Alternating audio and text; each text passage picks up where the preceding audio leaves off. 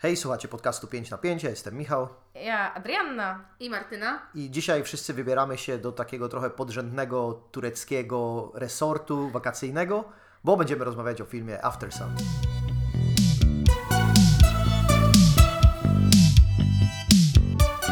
Reżyserką filmu After Sun jest Charlotte Wells, która patrzyła na zdjęcie ze swoim ojcem właśnie z takich podobnych wakacji, jak odbywają się w filmie i stwierdziła, że może warto pewne takie wrażenia i inspiracje z tego przenieść na ekran. I co zrobiła dalej?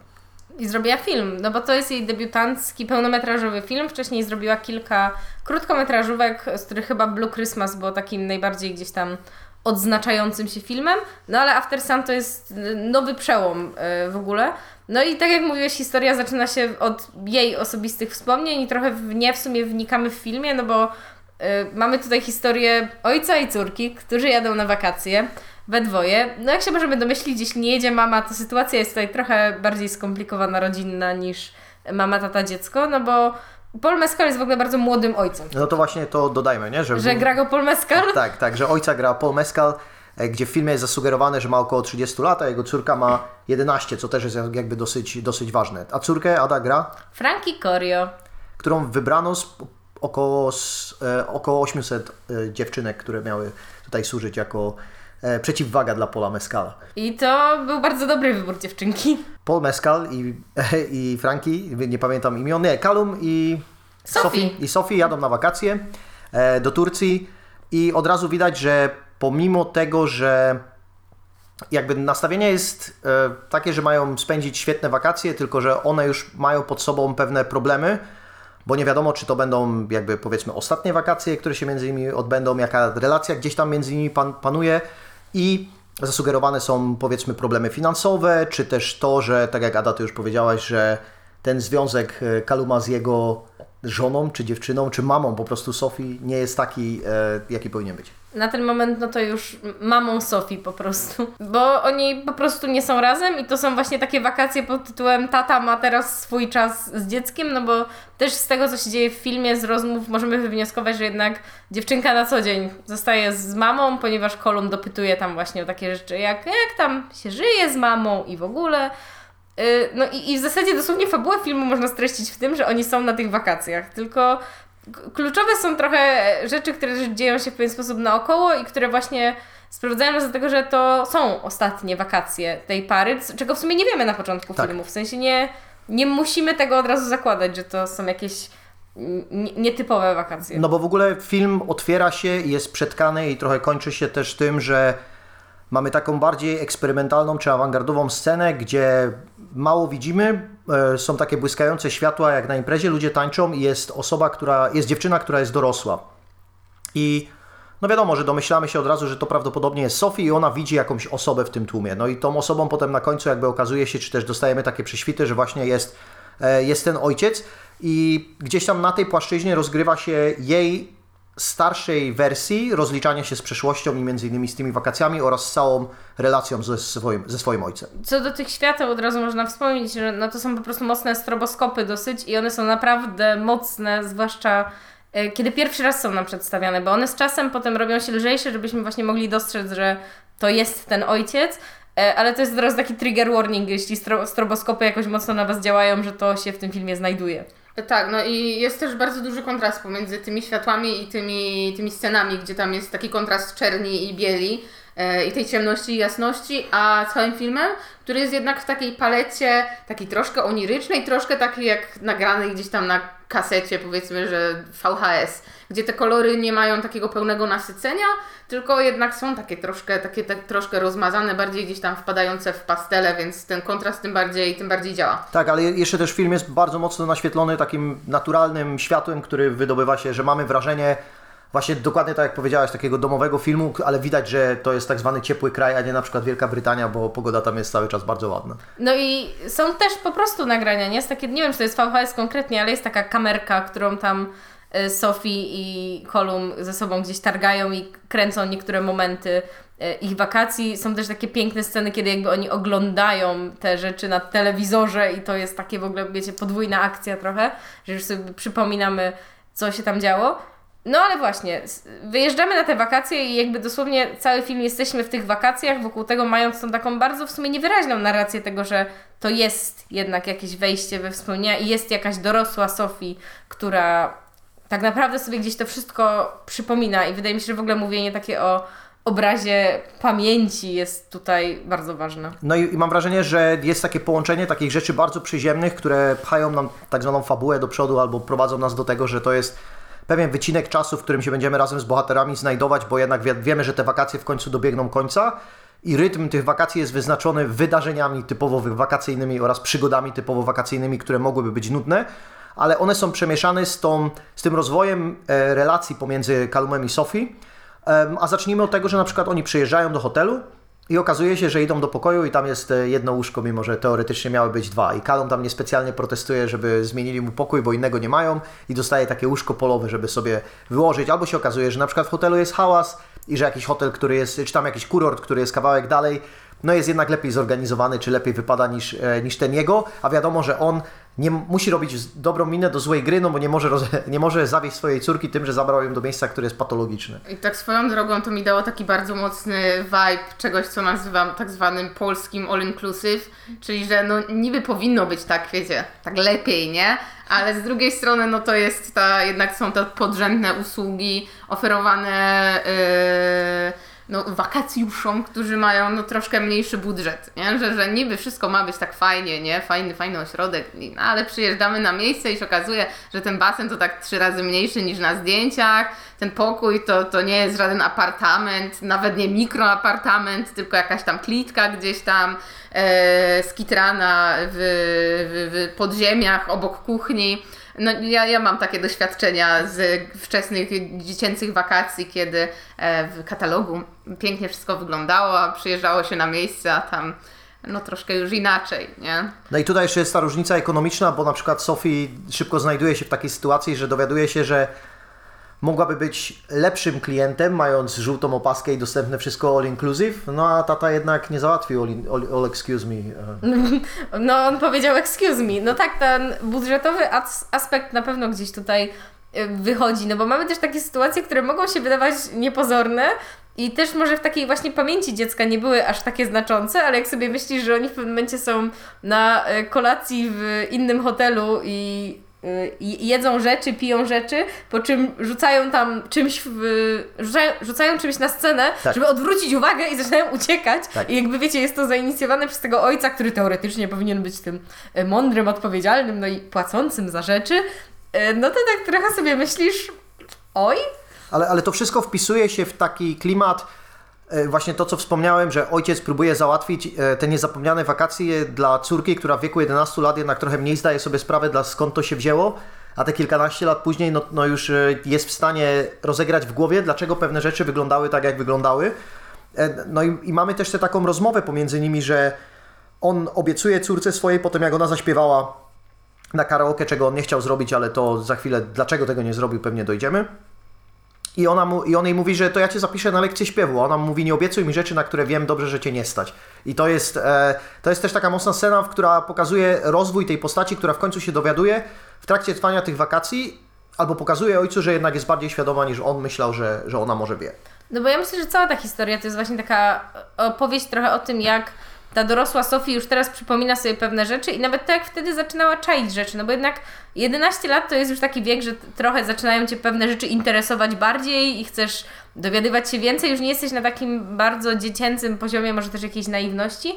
No i wydaje mi się, że żeby w ogóle rozmawiać o tym filmie, można na początek trochę rozbroić właśnie tą klamrę tego, dlaczego to są ostatnie wakacje, dlaczego ona w ogóle to wspomina, dlaczego mamy ujęcie na to, jak budzi się w nocy koło swojej partnerki i takie wspomnienia gdzieś może są w jej głowie. I tu w sumie mam do Was pytanie, jak Wy czytacie całą jakby ramę, w której jest After Sun, bo wydaje mi się, że to jest ważne dlatego, jak potem postrzega się cały obraz wakacji, który jednak stanowi no 90% filmu. Ja mam wrażenie, że tutaj takim motywem zapalnym trochę są te urodziny e, Kaluma, które się odbywają w trakcie trwania tych wakacji i po prostu Sophie dociera do tego samego wieku, w którym jest Kalum i prawdopodobnie jak to ludzie z rodzicami dostają, odziedziczają te same problemy, które mają rodzice, no i ona się e, trochę może zaczyna rozliczać w jaki sposób te problemy, które wykazywał wtedy Kalum, w jaki sposób one mogą dotknąć ją i związku, którym ona teraz trwa, albo jak wpłyną na jej życie i jak ona by wyglądała mając dzieci, ale których nie ma. No i jak też teraz y, rozumiem, no bo Kalum kończy 31 lat y, w tym w trakcie tych wakacji też wspominam na przykład to, że kiedy on kończył z kolei 11 lat, co jakby szybka matematyka znaczy, że Sophie pojawiła się kiedy on miał lat 20, co w tym momencie znaczy, że no był bardzo młodym ojcem. A dodam tylko, że jest nawet taka scena, która to mocno zaznacza, bo Sophie, która jakby nie ma w niej takiego strachu chyba takiej jedenastolatki, że ona się jeszcze nie wstydzi i rozmawia z tymi innymi ludźmi, którzy, z nastolatkami, którzy są tutaj dookoła stołu, którzy ją traktują tak względnie serio i, i poprawnie, e, to grają e, z tymi nastolatkami e, double przy stole bilardowym i oni, oni mówią do niej, ej, no tutaj ta twoja siostra tam nawet dobrze gra, a on tak nieśmiało zaznacza, że mówi, no ja tak w sumie to jestem jej ojcem, nie? Więc, e, więc jakby ta rola jest widziana i myślę, że dobór Paula Mescala też jest nieprzypadkowy do tej roli, bo facet po prostu zawsze będzie wyglądał dosyć młodo, nie? A tym bardziej e, jego twarz, tak w kontekście tych e, tak zwanych ladów z Wielkiej Brytanii, to, e, no, no to, to ludzie są tacy, którzy zawsze się reprezentują jako ludzie, którzy nie mogą być rodzicami, bo nigdy byś nie powierzył komuś takiego e, dziecka. Ja nie rozumiem. Lad to jest taki chłopok, taki wiesz, kumpel, ziomek, te, tego, Okej, typ, no tego on- typu zbioru ludzi. On jest totalnie takim ziomkiem, no i Paul Mescal ma dopiero 26 lat, nie? Ale Mhm. w jakiś sposób y, myślę, że on też sobą bardzo ładnie przywdziewa takie lat 31 i to widać też właśnie w tych takich jednak już ojcowych zachowaniach, które sobie tam musiał wyrobić, no ale też w tym, że nadal 31 lat to jest młody wiek i są rzeczy, z którymi on sobie po prostu też jako osoba nie radzi i tu w sumie nawet może ten wiek nie ma takiego znaczenia. E, ale że jednak to nie jest tak, że on jest tylko ojcem. Co w ogóle też mi się wydaje dużą zaletą tego filmu, że obydwie postaci są niezależnymi jednostkami w pewien sposób. I chociaż obserwujemy ich typowo przez pryzmat tego, że są teraz na wakacjach i są tylko ze sobą jakby w tej relacji, poznają innych ludzi i tak dalej, ale no oni są najbardziej ze sobą.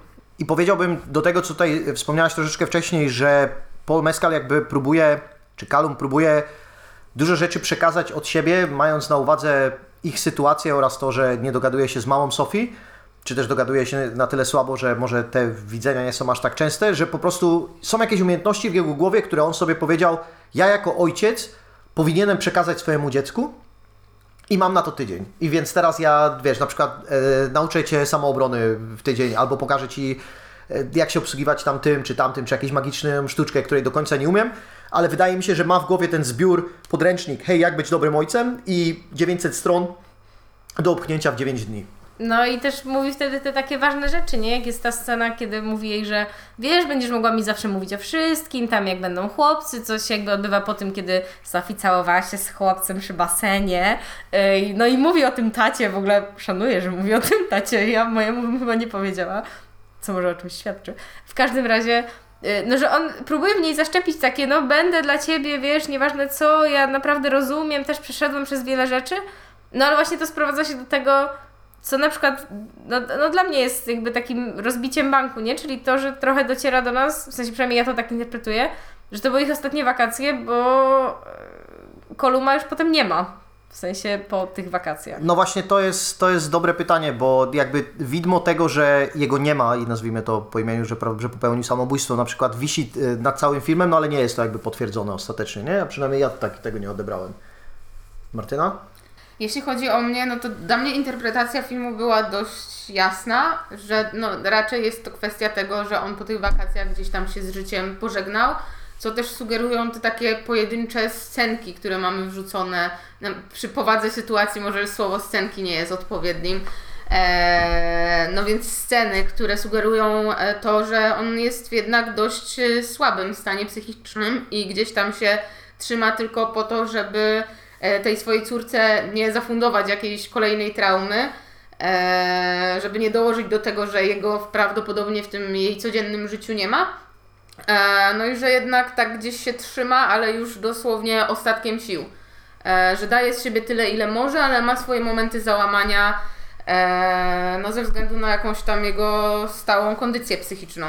No bo to też jest taki trochę takie napięcie po prostu między tymi jakimiś obietnicami, które zostają złożone, czy tym, co on próbuje w jakiś sposób wypracować, a tym, że właśnie to nigdy nie zostanie dotrzymane i co teraz jakby Sophie patrząc na to wstecz już wie, że no jakby tego ojca już dalej gdzieś w życiu nie będzie, a z drugiej strony on tam się starał i chociaż próbował też e, jej nie zawodzić, no to zdarzają się momenty, w których ją zawodzi i nie chodzi mi to tylko o to, że kiedy chcą iść na karaoke, to on mówi nie, Sofii, teraz nie pójdę i jest taki trochę bucowaty, za co potem przeprasza, no ale chociażby o to, że no mamy potem sekwencję, w której Sofii nie może się dostać z powrotem do pokoju, bo on tam zasnął w ogóle nago na wyże yy, i musi ją wpuścić pan z obsługi i to też jest takie trochę, wiecie, no ryzykowne, no bo jedna stalatka gdzieś tam szwendała się sama po tej Turcji, żeby się odnaleźć, bo on po prostu stwierdził, no jestem teraz obrażony i, i wychodzę, nie? Co też yy, można sobie pomyśleć, o nie, ale słaby ojciec. A z drugiej strony, no to widzimy, że on po prostu jako osoba jest w takim słabym stanie, że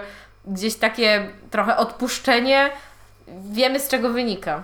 No w sumie teraz jak tak sobie myślę jeszcze o tej scenie, jak on się żegna e, z Sophie, to on stoi w takim korytarzu, który trochę mniej przypomina lotnisko, a bardziej przypomina jakiś szpital psychiatryczny albo coś w tym stylu. Okej, e, faktycznie teraz jak, jak tak e, myślę i jeszcze tutaj doczytuję, to, to, to rzeczywiście ma, ma sens, że, że jakby popełni samobójstwo, no ale na pewno z filmu jest jakby zasugerowane, że Sophie po prostu widziała go po raz ostatni, nie? Więc to jest, e, można by wybrać sobie jakieś inne przyczyny, ale no ta jest jakby taka najbardziej, e, najbardziej powiedzmy mm, narzucająca się. No to też wynika z tego, że w tym wspomnieniu, które w sensie w tym czasie, który nazwijmy, że jest takim teraźniejszym, czyli tym powrotem do tego wspomnienia w stroboskopach, gdzie Sofie jest już dorosła, no to to przenosi nas do sceny, która jest ostatnią wakacyjną, w sensie kiedy jeszcze nie są na lotnisku, tylko są w tym kurorcie i kiedy Kolum mówi, a to teraz będziemy tańczyć, a on mówi, o tato, taniec tam jest żenujący, nie? W ogóle jakby, a on twierdził, że śpiewanie jest żenujące. Możemy zrobić ranking, co jest bardziej żenujące za chwilę.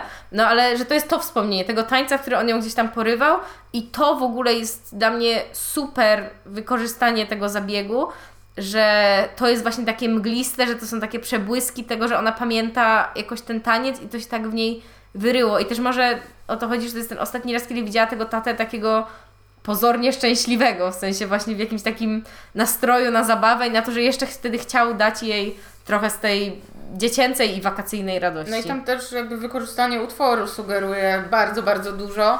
Eee, ma, mam problem troszkę z wykorzystaniem tego utworu, bo to jest Under Pressure, e, David Bowie, Queen.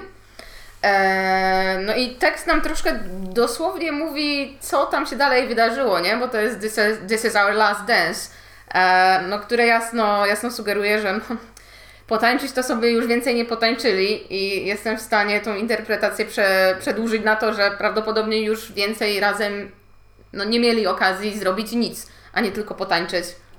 E, No i też jakby sam tytuł, nie? Under Pressure troszkę, troszkę jakby rzutuje na cały ten, na, te, na cały ten wyjazd, że moją, moją taką linią interpretacyjną było to, że on po prostu chciał, żeby, żeby on był jak najlepszy, e, żeby gdzieś tam się w jej, w jej wspomnieniach dobrze, dobrze zachował.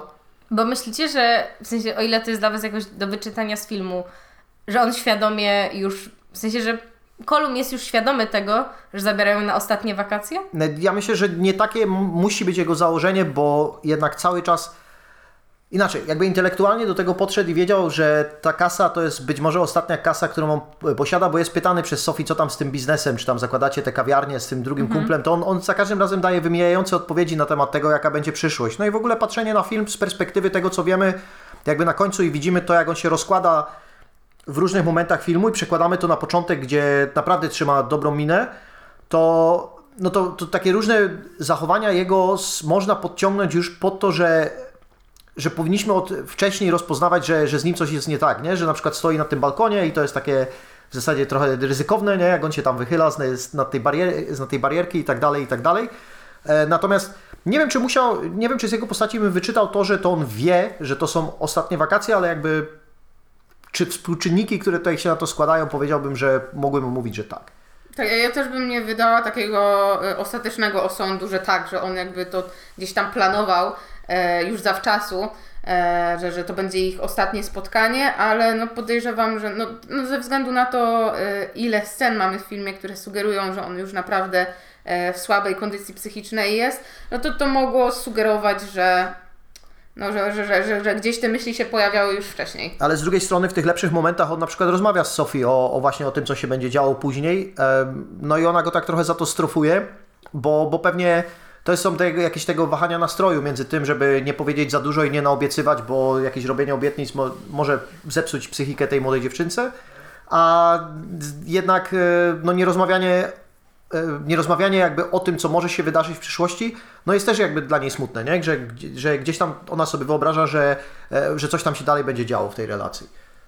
No na pewno też jest tak, że ona patrząc na to już wstecz bardziej widzi, w sensie wspomina te rzeczy, które mogły już wtedy być sygnałem, no ale kto każe 11-latce rozpoznawać takie rzeczy? No ona nie musi być tego świadoma. I, I film tak naprawdę nie skupia się trochę też na tym, żeby nas przeprowadzić przez tą depresję, która doprowadza do tego, że Kolum najprawdopodobniej odbiera sobie życie, ale właśnie bardziej przez to, jak wyglądały te ostatnie wakacje, jak jest właśnie zapis tego takiego ostatniego wspomnienia czasu z ojcem, e, który Sophie ma. I tym, co mi się jeszcze bardzo podoba w tym wspomnieniu, to jest właśnie takie skupienie na takich małych detalach, które zapamiętujesz. Mhm. I mi się podobają wszystkie sceny, w których jest pokazana ta bliskość, która mimo wszystko między nimi jest. Nawet jeśli te rozmowy są czasem bardzo cringe'owe, czy takie mm, nieswobodne między nimi, no na przykład momenty, kiedy tam Kolum naciera córkę y, kremem do opalania, y, Albo kiedy ona zasypia w butach na tym łóżku, kiedy on już wie, że nie będą mieli jakby tego,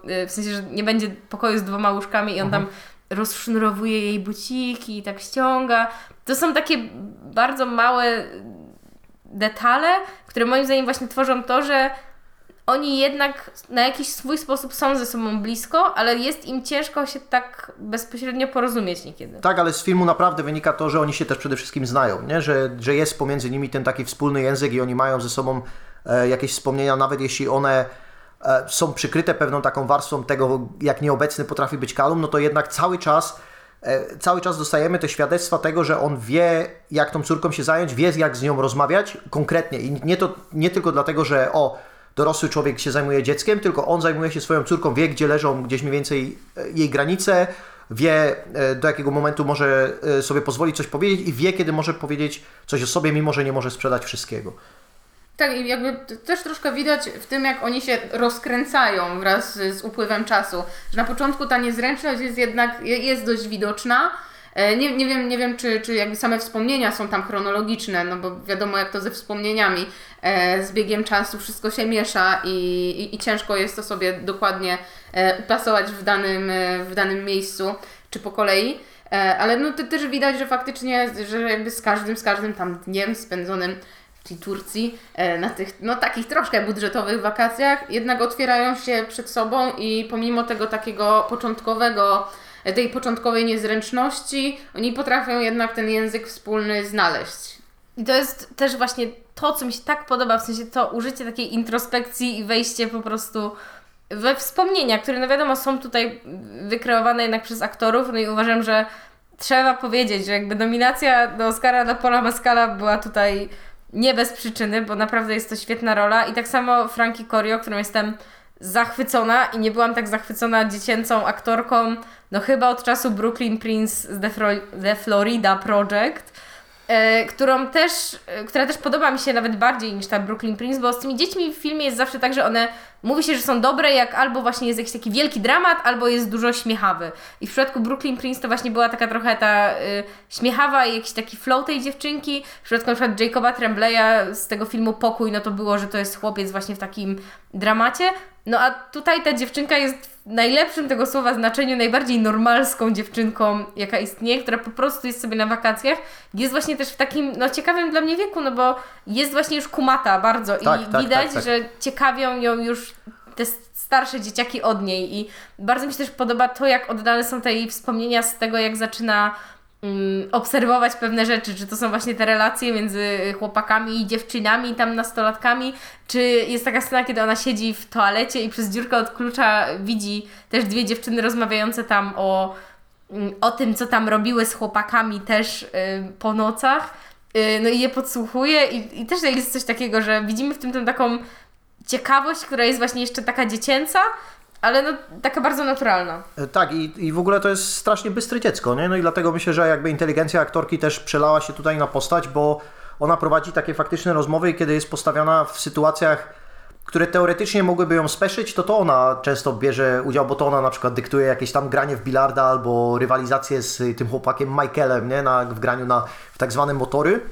E, natomiast ja tutaj do Pola Mescala, bo super cieszę się, że o nim wspomniałaś, bo zastanawiałem się w trakcie tego filmu, co w nim jest takiego, co odróżnia go od innych aktorów i dlaczego ja tak bardzo go lubię. I, i po pierwsze mam wrażenie, że wszystkie rzeczy, które on robi na ekranie, są na ten moment jakby najbardziej naturalne ze wszystkich takich pracują, pracujących aktorów na ten moment. On może dostawać jakąś linijkę, która jest taka bardzo w scenariuszu zapisana takim bardzo, nazwijmy to, albo w tym filmie takim bardziej literackim językiem, a on i tak sprzedaje to, jakby po prostu normalnie mówił. I dobrym przykładem sceny tego, jakim on jest natu naturalistycznym aktorem, to jest to, jak siedzi na tej łódce e, zaraz po tym, jak, e, jak nurkowali z Sofii i podchodzi do niego ten facet, który e, pomaga, prowadzi ten biznes do nurkowania i on do niego mówi, no słuchaj stary, tutaj ja mam taką rodzinę i on i Paul Mescal z nim po prostu tak jakby normalnie rozmawiał. On mu zadaje tam takie pytanie, a i widać po jego oczach, że on jest super zainteresowany tą rozmową, mimo że nadal pozostaje w takiej swojej pewnej nonszalancji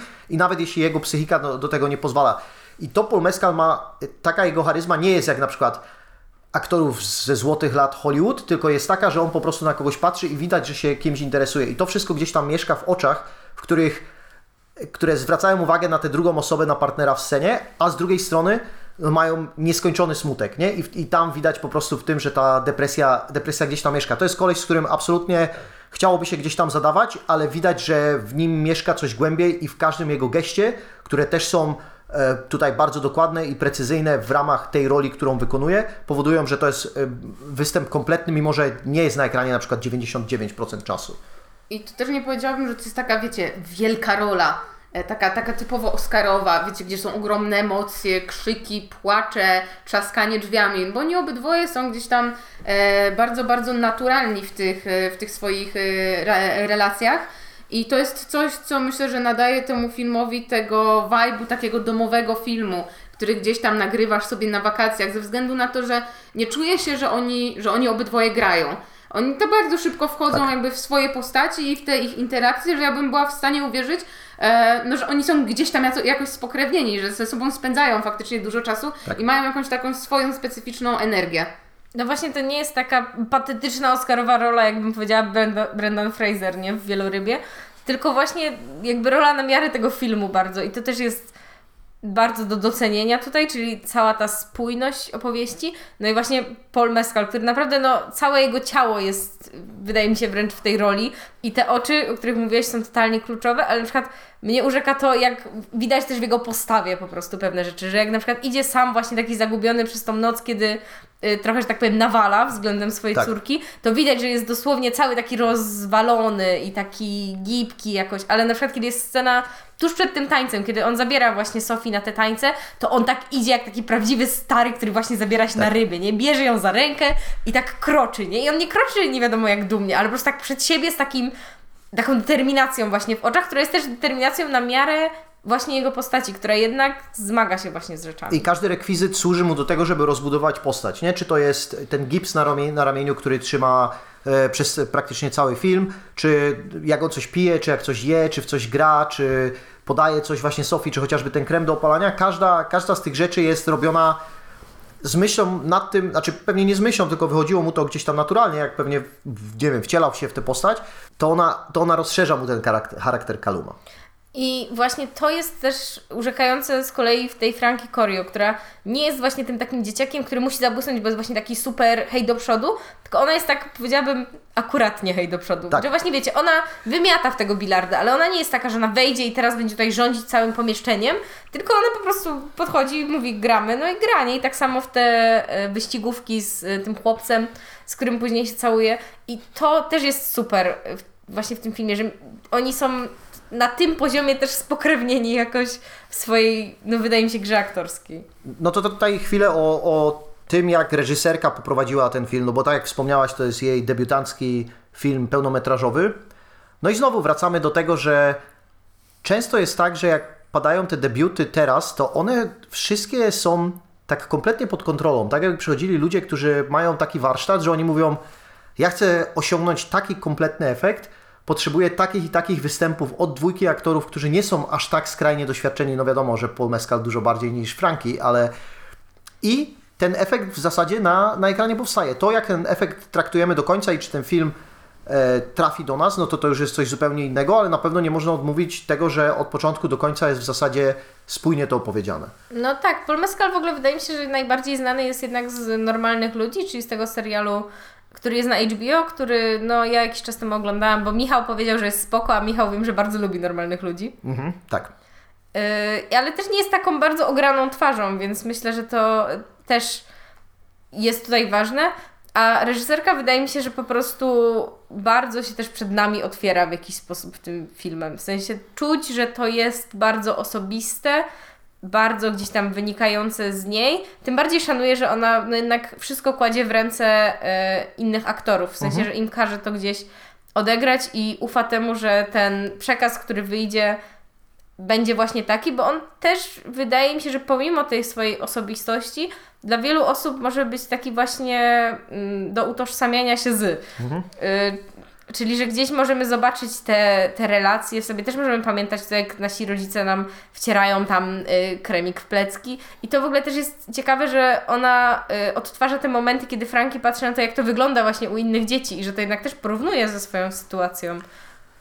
Powiedziałbym, że jest kilka tych momentów, gdzie filmowi ucieka może to odejście od takiego pełnego naturalizmu, nie? że gdzieś tam jesteśmy, dobra, bo ten początek, ta, ta klamra, to załóżmy, że to jest takie działanie artystyczne, ale na przykład mamy kilka takich momentów, gdzie widzimy tę faktycznie dorosłą Sofię w normalnym życiu, która ma tam właśnie to zdjęcie, ma ten dywan, który ojciec kupił, a właśnie, bo scena z dywanem też jest, też jest interesująca, ale na przykład jest taka scena, kiedy kamera zostaje uruchomiona i mamy ujęcie na telewizor i koło telewizora leży kilka książek i tam jest, i tam jest na przykład książka o tai chi, tam jest książka o jakiejś psychologii siebie, o poznawaniu, tak, jak, tak żebyśmy i, i te książki są wyświetlone na ekranie przez dobre 10 czy 15 sekund, tak żebyśmy sobie spokojnie zdążyli wszystkie tytuły przeczytać, żebyśmy wiedzieli, że to jak Kalum czyta, to mu chodzi o to, żeby gdyby jeszcze przekaz filmu do nas nie trafił, to jeszcze został powiedziany na ekranie przez tytuły właśnie tych książek. Ale właśnie to na przykład jest też dla mnie aspekt, który się buduje na takie jednak niuanse tego filmu, bo wydaje mi się, że jeśli w ten film się tak nie wchodzi mocno na początku, to te rzeczy można trochę pomijać. W sensie, że nie skupisz się na nich, to nie wyczytasz do końca tego e, przekazu, który właśnie też myślę, że do tego zaraz przejdziemy, czy jakby jest tam jakiś dotykający dla nas, czy nie. E, ja ten film widziałam dwa razy. Pierwszy raz widziałyśmy go z Martyną razem na American Film Festival. E, I wtedy pamiętam to uczucie, że wyszłam z takim trochę wrażeniem, że nie wiem, co się wydarzyło. W sensie obejrzałam dużo tych wspomnień i tak analizowałam sobie właśnie, co się wydarzyło, w sensie z tą klamrą i tak dalej, i dochodziło do mnie to, y, co się stało, w sensie jakby, że co to naprawdę jest za film, w sensie, że to jest tak naprawdę film wspomnienie. I pomimo tego, że większość wspomnień z tego filmu tak naprawdę nie jest jakieś może bolesne, w sensie to nie są jakieś takie tragiczne sytuacje, to to jest bardzo smutne dla tego, kto nam te wspomnienia przekazuje. No dlatego właśnie, że dlatego ten film jest taki mocno słodko-gorzki, bo wśród tych wszystkich fajnych rzeczy, które się dzieją, cały czas za nimi kryje się ta tragedia, o której tak dopiero, wiesz, dopiero odkrywamy w trakcie. No ale właśnie z drugiej strony to jest tak, że kryje się za nimi tragedia, a one same w sobie też nie są jakieś idealne. Nikt tu nie idealizuje, ani nie ściąga mocno w dół tego wszystkiego, tylko właśnie jest to takie realistyczno-naturalistyczne, jak to powiedzieliśmy, czyli że właśnie no, no nie było za dużo budżetu, trochę tam trzeba było kantować, potem fajnie, bo jakaś dziewczyna dała tą żółtą opaskę, więc można było wziąć fantę, lemon za free, yy, więc było warto. I, i, to, I to wszystko tak po prostu sobie było, ale gdzieś dla, dla tej osoby, która doświadczyła po prostu potem no, śmierci tego ojca, tego, że już go potem nigdy więcej nie było, no to to jest takie wspomnienie, które po prostu zostaje bardzo, bardzo mocno. I w różnych sytuacjach może po prostu wracać. I też bardzo mi się podoba ta scena właśnie, kiedy y, dorosła Sophie budzi się koło tej swojej partnerki i, i widać, że po prostu jest właśnie jak taki swoisty demon, który gdzieś tam ją nęka. Ale ten demon nie ma żadnego takiego przegiętego obrazu, w sensie on taki jaki był, po prostu gdzieś z nią został i łączy się właśnie z jakąś traumą, no ale jest też czymś, co bardzo mocno się w tej pamięci odznaczyło. Właśnie dla Was to jest taki film, który jakoś tak emocjonalnie był przeżywany, czy nie do końca? E, ja powiem tak, na pewno trafił do mnie i na pewno jakby zadziałał na tyle, ile mógł zadziałać na kogoś, kto jakby nie, z tą sytuacją nie do końca się utożsamiał, czyli jakby efekt zamierzony przez e, reżyserkę został osiągnięty. Udało mi się wcielić w takie, w takie emocjonalne. em, u, udało mi się odczuć te uczucia, które ode mnie chciała wymóc, ale jakby nie trafił do mnie na ten poziom głębiej, czyli doceniam go z, tej, z tych wszystkich warstw, em, z tych wszystkich warstw e, artystycznych, doceniam go z tej warstwy emocjonalnej i e, reżyserka zabrała mnie na tę przygodę, ale nie, nie uruchomił we mnie tych pokładów emocji gdzieś tam super dogłębnie. No, u, mnie, u mnie jest podobnie. Myślę, że, że, że mm, z nas tutaj wszystkich zebranych e, ten film e, podobał mi się najmniej. E, pomimo tego, że mam naprawdę bardzo dużo e, pozytywnych rzeczy o nim do powiedzenia, to jednak gdzieś na tym poziomie emocjonalnym się zupełnie ze mną rozminął. I ja, ja bardzo doceniam e, wiele elementów. No też, e, też warto podkreślić, że no jest to debiut pełnometrażowy e, i jest to naprawdę bardzo sprawnie zrealizowany film, ale ze względu gdzieś tam na moje osobiste preferencje, on do mnie nie trafiał tak, jakby mógł. Być może jest to kwestia tego, że ja nie przepadam za filmami rodzaju troszkę takie okruchy życia, e, które gdzieś tam na koniec musimy sobie sami pozbierać i poukładać, e, że jednak ta taka klasyczna, klasyczna forma kina dużo bardziej mi odpowiada i też dużo bardziej na mnie działa. E, ale no nie, nie, nie mogę powiedzieć, że to jest kiepski film, bądź że, że, że mi się nie podobał. Po prostu gdzieś tam pozostawił mnie taką troszkę, troszkę obojętną. Być może jest to też związane z tym, że tak jak Ada wspominała, oglądałyśmy ten film podczas festiwalu, to był nasz, nasz trzeci film. I e, no, dwa poprzednie filmy to był Moonage Daydream i Wieloryb, które są dużo bardziej takie ekspresyjne w formie. I też e, przez to prawdopodobnie mm, dużo lepiej rezonowały ze mną na takim poziomie emocjonalnym. E, no i ta kombinacja i zmęczenia i tego takiego przebodźcowania mogła jakoś wpłynąć na, na, na odbiór, ale no też, też rzeczą jest to, że nie jest to do końca rodzaj filmu, który do mnie przemawia osobiście. Jednak no, nie mogę nie docenić. Ada, jak, a jak u Ciebie? No ja właśnie teraz muszę totalnie zrobić dzień mówienia o mnie, tak jak Charlotte West zrobiła film mówienia o swoich wspomnieniach. E, No to ja też pamiętam ten dzień właśnie, jak oglądałyśmy ten film, ja wtedy w ogóle chyba spałam dwie godziny przed wyjazdem na ten festiwal. E, I byłyśmy po rzeczywiście właśnie takich dwóch mocnych rzutach, no bo Moon Age no to bardzo intensywna postać, y, czyli David Bowie, no i intensywna opowieść o wszystkich jego przemianach z taką dużą płynnością. Potem ten wieloryb, który też jednak jest uderzający swoim ogonem mocarnie.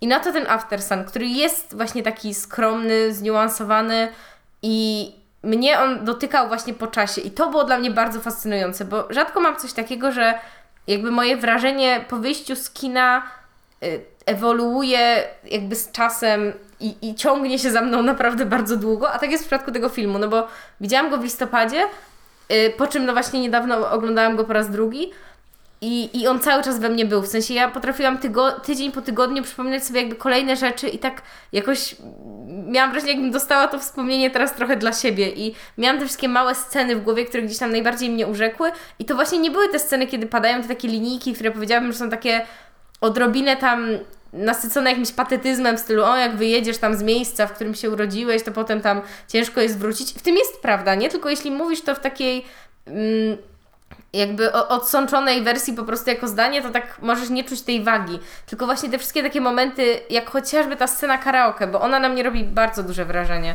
W sensie tego, że ta Sophie wychodzi i śpiewa Tak, dzielnie tak. to Losing My Religion i, i ona po prostu mówi, nie no stary, nie dam Ci się teraz, nie? To, że Ty nie chcesz, to no, nie jest mój problem. A ten stary jest cały taki zażenowany i próbuje ją wprawić w jakieś takie poczucie winy, że to zrobiła i po co i też y, najbardziej chyba pamiętam takie dwa ujęcia, kiedy ona śpiewa i patrzy na niego, a on przez chwilę zupełnie na nią nie patrzy. Jest taki niezainteresowany, że ona śpiewa, żeby potem tylko spojrzeć właśnie z tym takim może jakimś rozczarowaniem, a ona pewnie chciałaby, żeby jej stary był z niej dumny w tym momencie. No, tak, zgadza się, zwłaszcza, że ona go jeszcze przekonuje tym, że mówi, że oni zawsze to śpiewają, ale on w tym momencie już, to też jest, jakby film robi taki konkretny zabieg, że pokazuje, że on już wtedy wypił czwarte czy piąte piwo, jakby kolejna z rzeczy typu tam, co robi nieodpowiedzialnie i w jaki sposób odłącza się, no ale to jest też ten wieczór chyba, gdzie wpada do tego morza, nie? Tak, tak, tak. No to, to jest właśnie to i to też jest dla mnie super ukazanie właśnie tego, że ten stary chce dawać radę cały czas, no ale po prostu już czasem nie daje i że wypije sobie te cztery piwa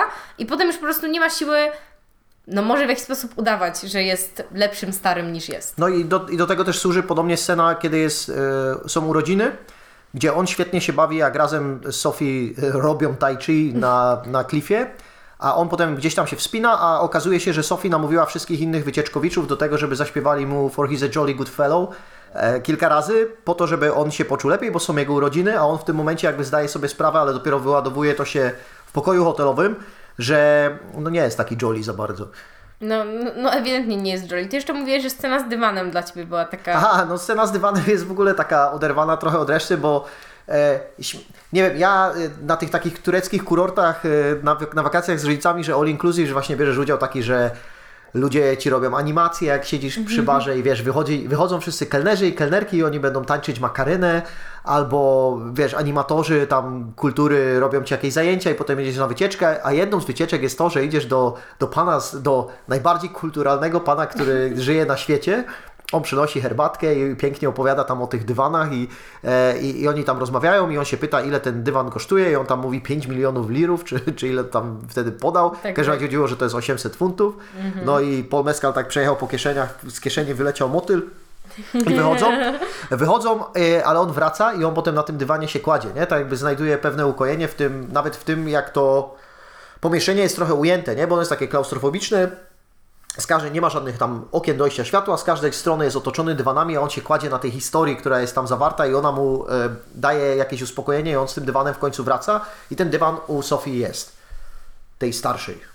Tak, bo ten dywan to jest to, co ona zabiera, bo na przykład mamy też scenę, kiedy przechodzi pan e, z Polaroidem i mówi o zdjęcie i tam oczywiście też pada how much Tak. E, i to jest trochę tam mniej tych lirów i trochę mniej funtów, więc Paul Mescal decyduje się na to.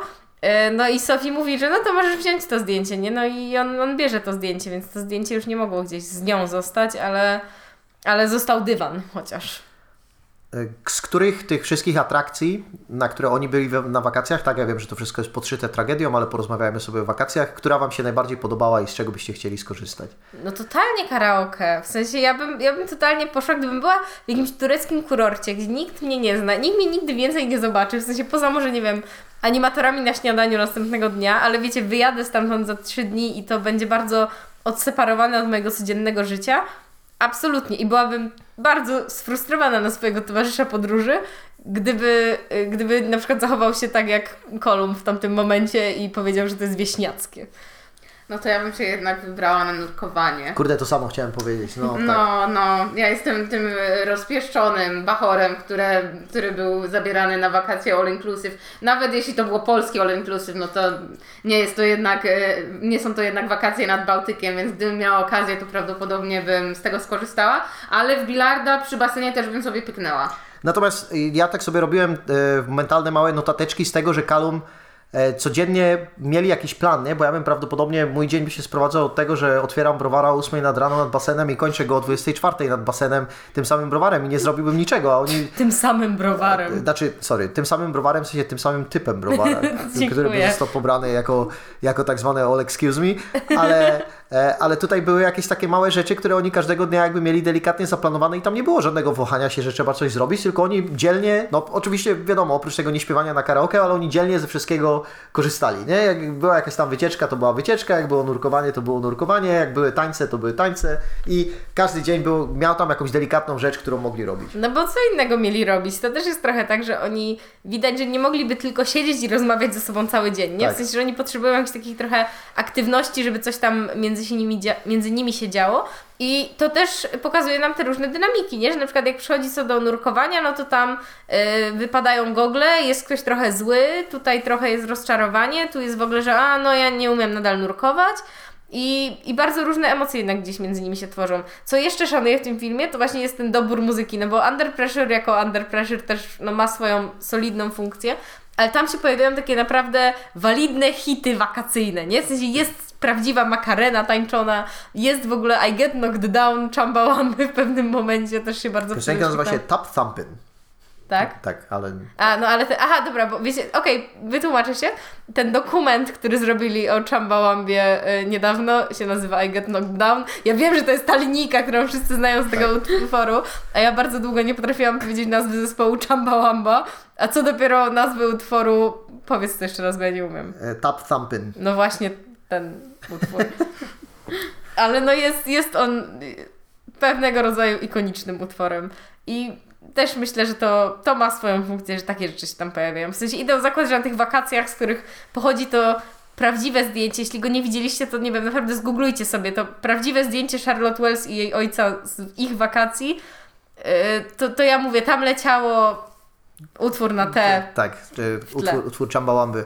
Z tych małych takich detali to ja jeszcze doceniam, no bo Charlotte Wells jest Szkotką e, i Sophie i Callum też są Szkotami jakby w filmie, co jest trochę zaprzeczeniem, bo Paul Mescal jest e, Paul Mescal jest Irlandczykiem. E, i co prawda nie słyszę, żeby się silił mocno bardzo na jakiś bardzo wyraźny szkocki akcent, ale chyba mu idzie to nieźle. I dodając do tego ca- całej jego prezencji filmowej, to ja w Szkocji mieszkałem dwa lata i ja dosłownie biorąc pod uwagę oczywiście stratosfery wyglądowe e, hollywoodzkie, to pracowałem z takimi polami meskalami, z ludźmi z podobnym nastawieniem, z ludźmi, którzy podobny sposób mówili, z ludźmi, którzy podobnie, podobny sposób przeprowadzali z tobą konwersację, więc ten vibe jakby tu był przełożony doskonale, ten ladowski. No i te całe przełożenia vibe'u to jest tak naprawdę to, na co składać ten film, bo absolutnie jestem w stanie zrozumieć, że on kogoś nudzi, że ktoś właśnie się od niego bardzo odbija, bo to jest jednak wejście w ten określony vibe i, to, i ten vibe właśnie wakacji i częściowo perspektywa dziecka i częściowo to, jak po latach to dziecko zdaje sobie sprawę z pewnych rzeczy jeszcze bardziej. Okej, to będziemy zbierać się do takich myśli podsumowujących.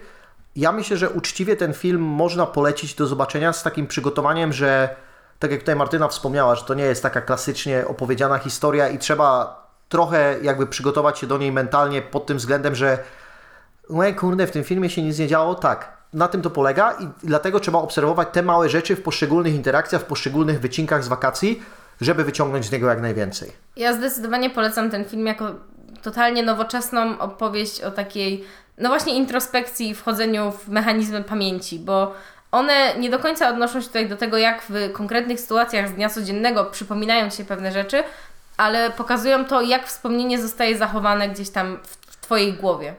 To ja jeszcze dodam, że podoba mi się podejście zwykłego kolesia Pola, który dostaje informację, ej, wiesz co, będzie taki film o wakacjach i będziesz w sumie w nim 60% czasu bez koszulki E, i on nie powiedział sobie, dobra, to teraz trener personalny przez 4 miesiące i będę wyglądał jak młody Bóg, tylko wyglądał po prostu jak zwykły koleś, taki tam trochę suchoklapy. Ale czy on tam aby jest tak dużo bez koszulki?